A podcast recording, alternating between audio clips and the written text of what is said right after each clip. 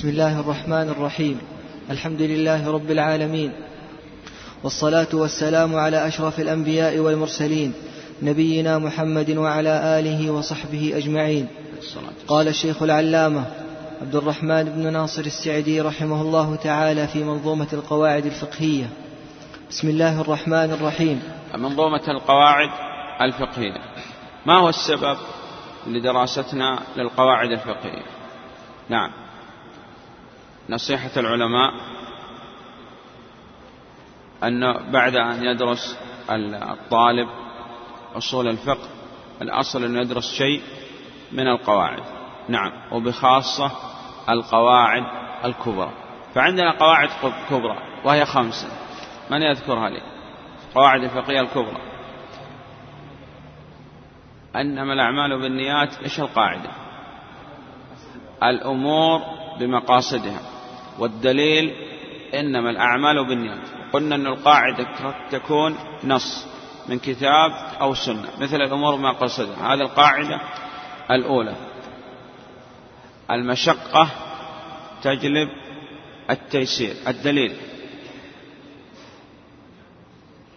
ما جعل عليكم في الدين من حرج. المشقة تجلب التيسير. طيب. الضرر يزال لقول النبي صلى الله عليه وسلم لا ضرر ولا ضرار. الرابع العادة محكمة. والدليل خذ العفو وأمر بالعرف. طيب الخامس نعم. لا. اليقين لا يزول بالشك. الدليل. نعم. لا ينصرف ولا ينفتح حتى يسمع صوتا أو يجد ريحا. طيب إذا هذه قواعد عندهم يسميها العلماء قواعد الفقهية الكبرى. ما هو الفرق بين علم أصول الفقه والقواعد الفقهية؟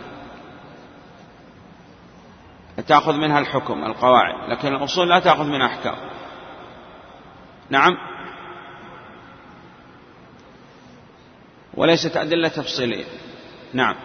وغيره نعم. تبحث في الأدلة الإجمالية والقواعد الفقهية في التفريعات إذن هذا باب الفقه. نعم. طيب. وغيره. القواعد نتيجة. نعم.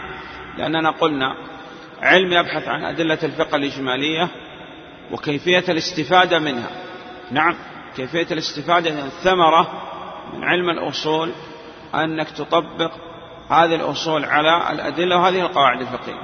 طيب وقلنا علم الأصول كعلم النحو وأنه ذاك يعني تطبيق وغيره.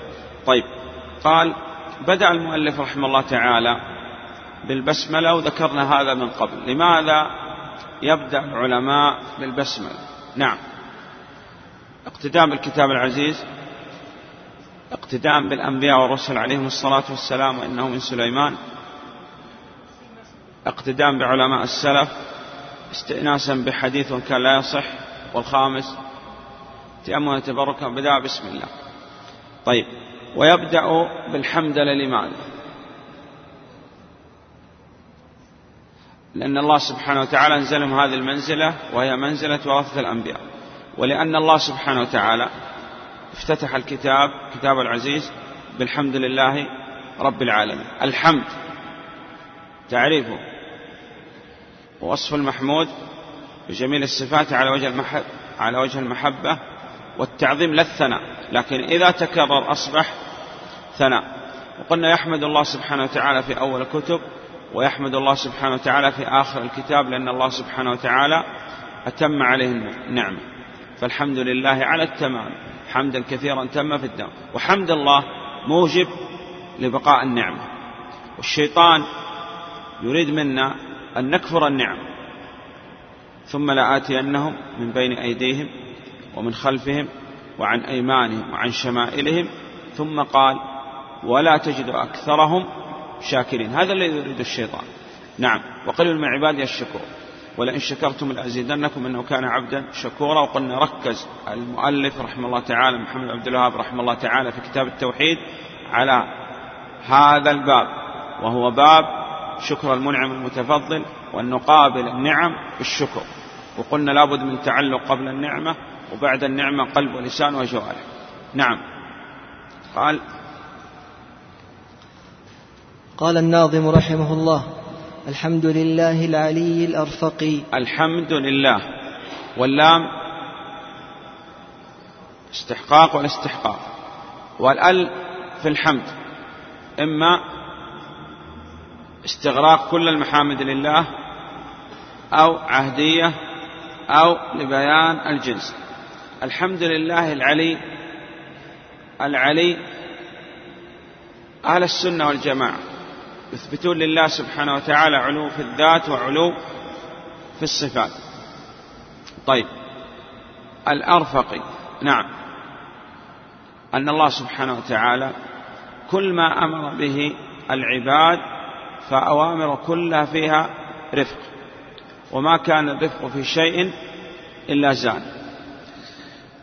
وهل كلفنا الله سبحانه وتعالى بما نطيق أو بأكثر مما نطيق يعني بما لا نطيق أو بمال بأقل مما نطيق. ومع هذا إذا جاء الأمر جاء التخفيف إذا أمرتكم بأمر فأتوا منه ما استطعتم. وتقدم معنا أن العبادة قد تتجزأ إذا كان لا يقدر عليها كاملة فإذا كانت تتجزأ يأتي بما قدر عليه. وإن كانت لا تتجزأ سقطت عنه بالكلية مثال الذي يتجزأ. القيام في صلاة الفريضة. القيام في صلاة الفريضة ركن. القيام مع القدرة. فإذا كان لا يقدر على القيام بالكلية سقط عنه القيام. يقدر أن يقوم ولو دقيقة. أو نصف دقيقة. مقدار ما يقرأ قراءة الفاتحة ثم بعد هذا لا يستطيع أن يقرأ السورة التي بعد الفاتحة إلا وهو جالس نقول لابد أن تقوم. طيب لكن يستطيع أن يصوم من الفجر إلى الظهر. نقول لابد أن تصوم من الفجر والظهر أو يسقط عنه الصيام. يسقط عنه الصيام. وكذلك الحج. لا يستطيع أن يأتي بكل المناسك. يأتي بشيء من المناسك. مثاله يكون يذهب عقله مثلا يفيق لحظة ثم يذهب عقله. فهذا لا شيء عليه ولا صلاة عليه أصلا لأنه لا يستطيع أن يأتي بالصلاة لأنه يفيق لحظة مثلا ولا تكفي لأداء ركعتين الصلاة مثلا. العلي الأرفقي نعم. وجامع الأشياء والمفرق. وجامع الأشياء والمفرق. جمع الله سبحانه وتعالى بين أشياء وفرق بين أشياء. والذي يركز عليه دائما الشيخ بن عثيمين رحمه الله تعالى هو الجمع والتفريق بين الأشياء. وهذا العلم تقول مثلا اتفق الشرط والركن على ماذا؟ أن لا يقبل في ترك الشرط والركن لا جهل ولا نسيان ولا عمد. وخالف الشرط الركن أن الركن داخل الماهية والشرط خارج الماهية صحيح؟ والشرط يمتد في كل العباد والركن يكون في جزء من أجزاء العباد. وهذا يسميه العلماء براعة استهلال أنه يأتي في بداية الكلام يعني في في الخطبة في المقدمة يأتي بكلام يشير إلى ما سيقول في هذا الكلام. وهذا يسميه العلماء براعة استهلال. طيب. وجامع الأشياء والمفرق.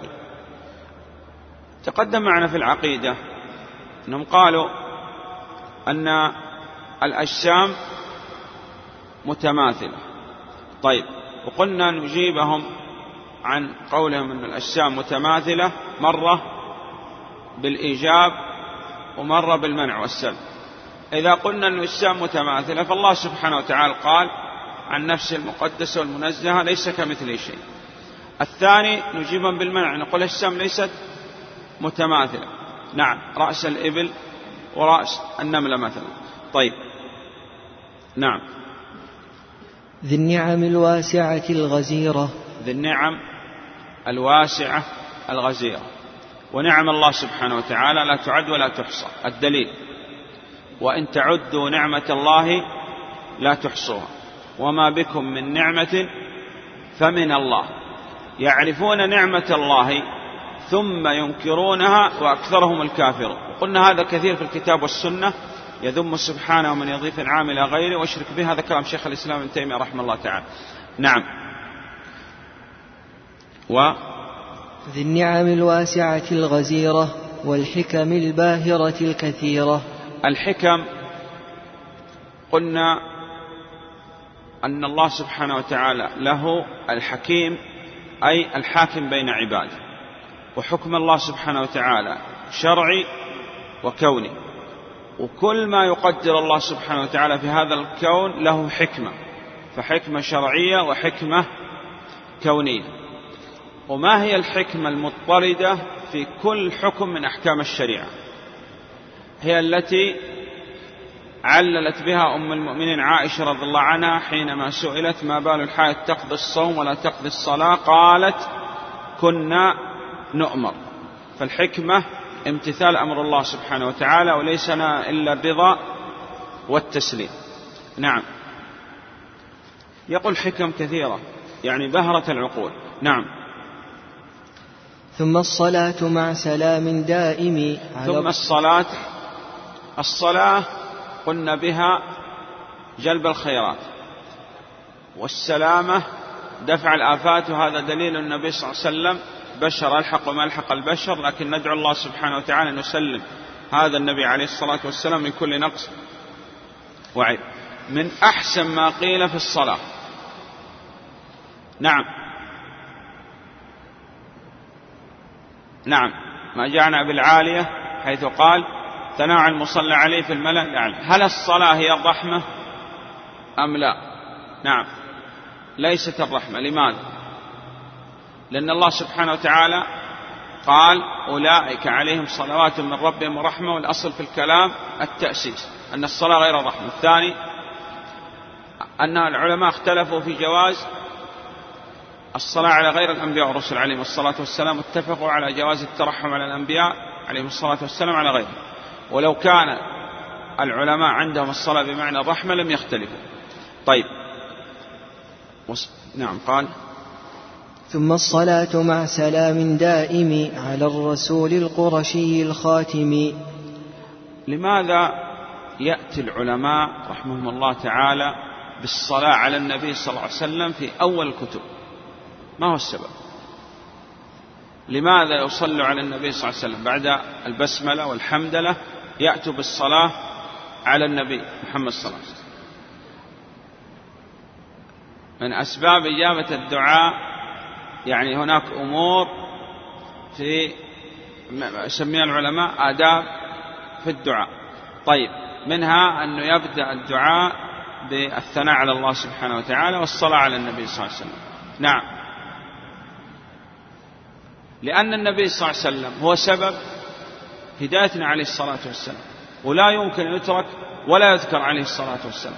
بل كل خير لحق هذه الأمة. سببه النبي صلى الله عليه وسلم. صحيح؟ نعم. ولذلك نصلي ونسلم عليه عليه الصلاة والسلام. نعم. قال تعيد. الصلاة. ثم الصلاة مع سلام دائم على الرسول القرشي الخاتم. على الرسول. هل النبي صلى الله عليه وسلم نبي؟ أو رسول. هو نبي ورسول نبي بيقرأ ورسل بالمدثر. القرشي نسب النبي صلى الله عليه وسلم محمد بن عبد الله بن عبد المطلب بن هاشم وهاشم من قريش وقريش من العرب. القرشي ثم قال خاتم الأنبياء أو الرسل؟ نعم. خاتم الأنبياء والرسل. نعم. خاتم الأنبياء.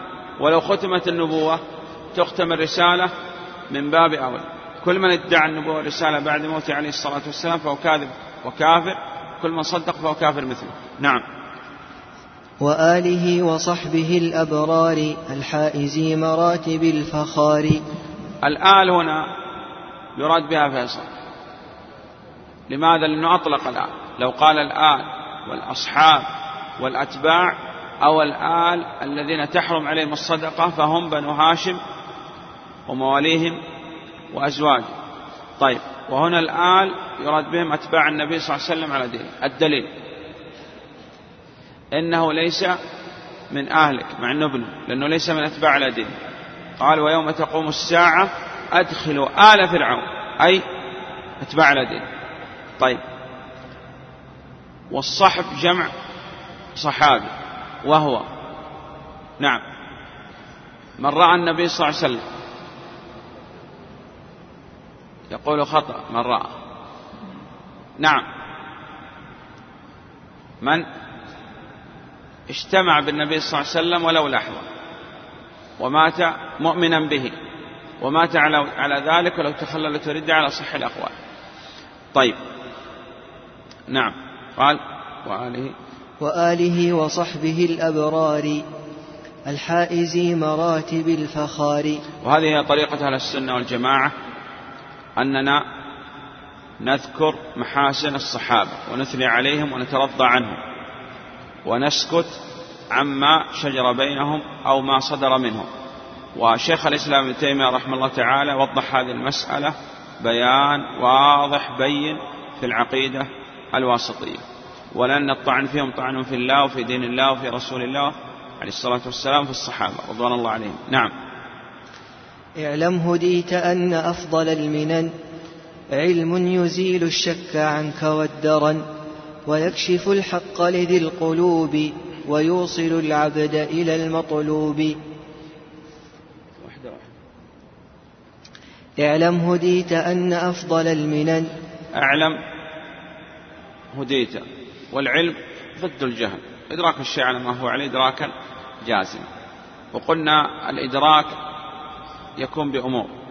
علم وظن وشك وهم وجهل بسيط وجهل مركب.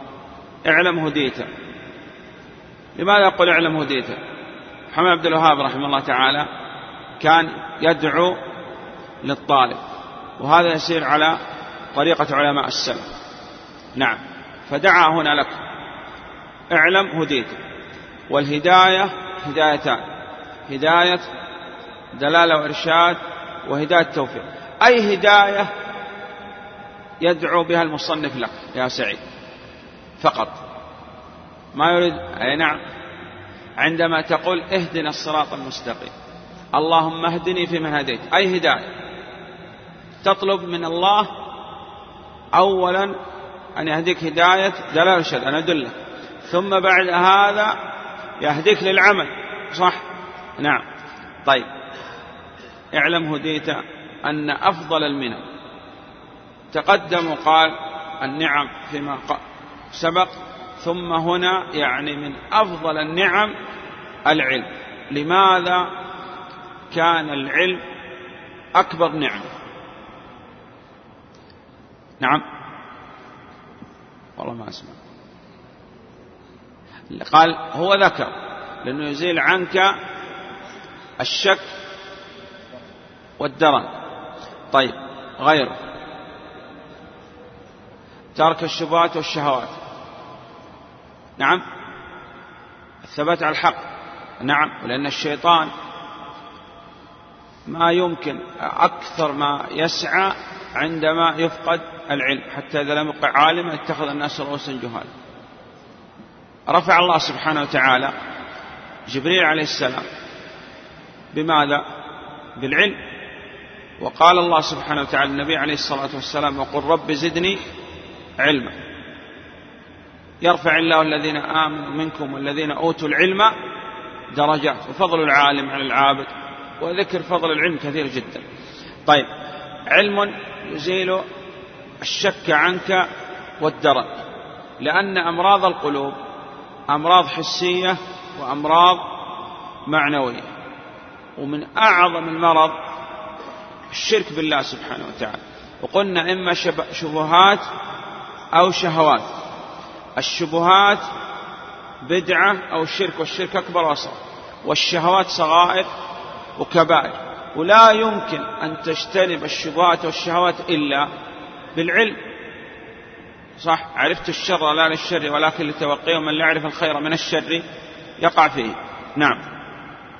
نعم. اعلم هديت أن أفضل المنن علم يزيل الشك عنك والدرن ويكشف الحق لذي القلوب ويوصل العبد إلى المطلوب. ولو ردوه إلى الرسول وإلى أولي الأمر منهم لعلمه الذين يستنبطونه منهم. ولولا فضل الله عليكم ورحمته لاتبعتم الشيطان إلا قليلا. إذا الشيطان يريد منا أن نترك ما جاء عن الله وما جاء به رسول الله صلى الله عليه وسلم. ولكن بالعلم ينال الطريق وتسير عليه. نعم. قال قل هذه سبيلي أدعو إلى الله على بصيرة أنا ومن اتبعني وسبحان الله وما أنا من المشركين. نعم. فاحرص على فهمك للقواعد جامعة المسائل الشوارد. ذكر أول ما ذكر البسملة والحمدلة ثم صلى على النبي عليه الصلاة والسلام وأثنى على الصحابة رضوان الله عليهم لأن نقلوا لنا العلم والآل. ثم بعد هذا ذكر فضل العلم ودعا للطالب. ثم شرع الآن في بيان محتوى الكتاب. قال فاحرص ولا بد أن تكون حريص. والنبي صلى الله عليه وسلم قال احرص وهذا هو الذي ينفع في الفقه. هذا الذي ينفع. بل في الفقه وفي العقيدة لأنه في العقيدة ذكر العلماء قواعد في العقيدة. نعم. على فهمك للقواعد. نعم. لماذا؟ قال لأنها تجمع مسائل كثيرة متفرقة تجتمع بقاعدة واحدة نعم. قال فاحرص على فهمك للقواعد جامعة المسائل الشوارد. نعم. لترتقي في العلم خير مرتقى وتقتفي سبل الذي قد وفقا إذا السبب أنك تجتمع عندك مسائل كثيرة بكلام مختصر وحتى ترتقي في العلم وتسير على طريقة السلف. ومن يشاق الرسول من بعد ما تبين له الهدى واتبع غير سبيل المؤمنين نوله ما تولى ونصره جهنم وساءت مصيرا. وقال ستفترق أمتي إلى ثلاث وسبعين فرقة كلها في النار إلا واحدة. وفي رواية قال الجماعة وفي رواية قال ما أنا على اليوم وأصحابي. نعم. وهذه قواعد نظمتها من كتب أهل العلم قد حصلتها. وهذا فيه اعتراف للعلماء بالفضل.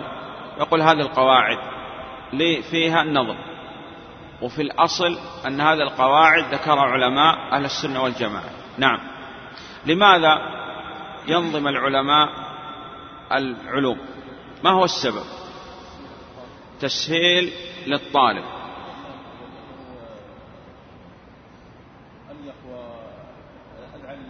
أي نعم. طيب. وثم ما يمل الإنسان من النظم لأنه قد يمل أحيانا من النثر. لكن النظم يراجع بسرعة. لكن قد يكون عندنا بعض الناس ما يحب النظم ويحب نقول موجود الحمد لله سواء هذا أو هذا وأنت ليس لك إلا العمل. لكن العمل يعني حفظ وهذه طريقة السلف حفظ و... وعمل. نعم. قال وهذه قواعد نظمتها من كتب أهل العلم قد حصلتها. نعم. جزاهم المولى عظيم الأجر والعفو مع غفرانه والبر. لماذا دعا لهم؟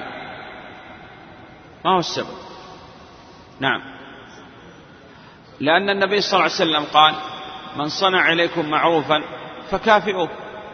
وهو الآن لا يقدر على مكافأة هؤلاء العلماء إلا قال فادعوا له حتى تروا أنكم قد كافأتموه. وهذا الواجب أنه إذا ذكر العلماء قلنا طريقة السلف أنه إذا ذكر الله أثنوا عليه. ذكر النبي صلى الله عليه وسلم جاء بالصلاة والسلام ذكر الصحابة ترضوا عنه. ذكر العلماء الأموات ترحموا عليهم. والأحياء يقول حفظهم الله. صحيح. ومن صنع عليكم معروف فكافئه وقلنا طريقة السلف مع العلماء أنهم وسط. وانقسم الناس تجاه الصالحين إلى طرفين وسط وأهل السنة هم الوسط. نعم.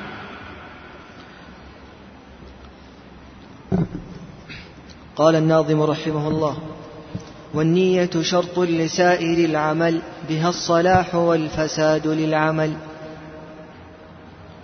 لماذا بدأ المؤلف رحمه الله تعالى بالنية؟ لماذا؟ ما هو السبب؟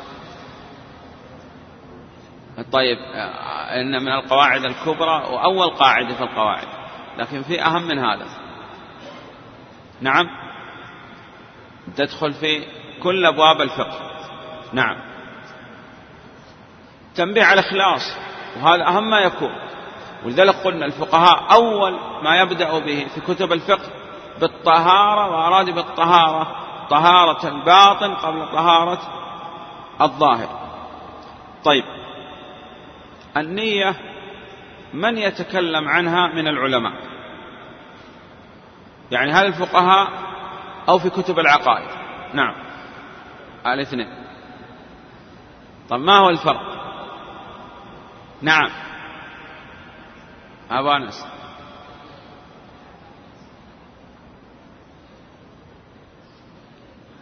أن أن لله خرج به لغير الله الرياء. طيب.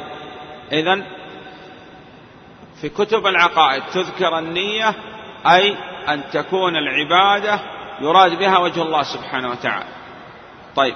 من عمل عملا أشرك فيه معي غيره. الثاني كتب الفقه. تمييز العبادات بعضها عن بعض. العبادة من العاد. فلو صلى إبراهيم ركعتين الفقهاء ينظر إليه يقول ما هذه الركعتين؟ قال راتبة الفجر. ما هذه الركعتين؟ قال هذه صلاة الفجر مثلا. إي نعم. طيب. تغيرت النية في وسط الصلاة. أراد أن يقلب الراتبة إلى فريضة. من يتكلم عن هذه؟ الفقهاء. تقدم معنا في الزاد صح؟ نعم. أو في منهج السالكين. طيب. إذا يتكلم على النية إما علماء العقائد أو الفقهاء. طيب. كل لابد لكل عمل من نية أو هناك بعض الأشياء ليس فيها نية. تفصيل. ودائما التفصيل الصحيح.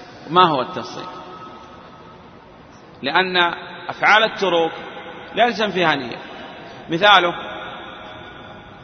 كان على ثوب نجاسة وضع هذا الثوب على الحبل ثم نزل المطر وغسل الثوب وزالت النجاسة والنجاسة عين ومتى زالت؟ زال الحكم. هل يلزم نية هنا؟ لا يلزم نية غير أمثلة ليس فيها نية الزكاة في مال المجنون والصغير لا يلزم نية لأنه لم يشترط هذه النية. أفعال التروك. نعم كالتخلي وغيره. طيب قال بعض العلماء لو كلفنا الله سبحانه وتعالى أن نعمل أعمال بلا نية كان تكليف ما لا يطاق. وهذا رد على من؟ على الذين يتلفظون بالنية. اللهم نويت أن أصلي في هذا اليوم اليوم الأحد الموافق للثامن من شهر ربيع الثاني في الساعة كذا خلف الإمام فلان ابن فلان بجانبي عن اليمين وكذا. ما يمكن لأنه هذا هي النية. وهل يصح أن تتقدم النية على العمل؟ يصح. وقلنا بل أن ابن عثيمين رحمه الله تعالى يقول لا يسع اليوم الناس إلا القول بهذا. نعم. وإلا أصبح حرج كثير على الناس. طيب. إذن الأمور بمقاصدها. وإنما الأعمال بالنيات وإنما لكل امرئ ما نوى. نعم. قال والنية شرط لسائر العمل بها الصلاح والفساد للعمل. نعم بها الصلاح يكون العمل صالح وقد يكون نسأل الله السلامة والعافية يعني باطل مردود. نعم. الدين مبني على المصالح في جلبها والدرء للقبائح. نكتفي أو نمشي؟ نكتفي. الله أعلم. إذا نرجع غدا إن شاء الله من أول ما بدأ من النية ونكمل إن شاء الله تعالى والله أعلم وصلى الله على محمد وعلى صحبه وسلم. الاختبار تأخذ ذات اليمين أو ذات الشمال تنتظر الاختبار موجودة الأسئلة. نعم. وغدا إن شاء الله نصح الاختبار ونكمل ما أخذنا من القواعد والله أعلم.